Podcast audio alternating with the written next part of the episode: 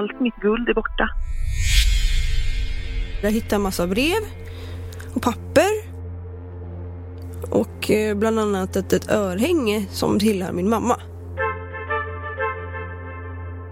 Att de här bedragarna är duktiga på det här. De vet precis vilka knappar de ska trycka på.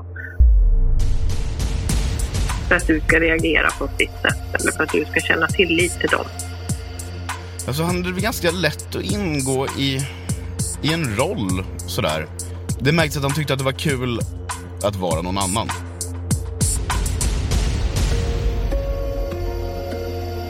Och så kommer jag ihåg att han började typ dra spjälsängen med vår sovande son ut ur sovrummet och sa ja, du är ju sjuk i huvudet och du är ju eh, psykiskt sjuk och jag kommer ringa psyk nu och du kommer aldrig mer få se barnen och du kommer aldrig mer få träffa barnen.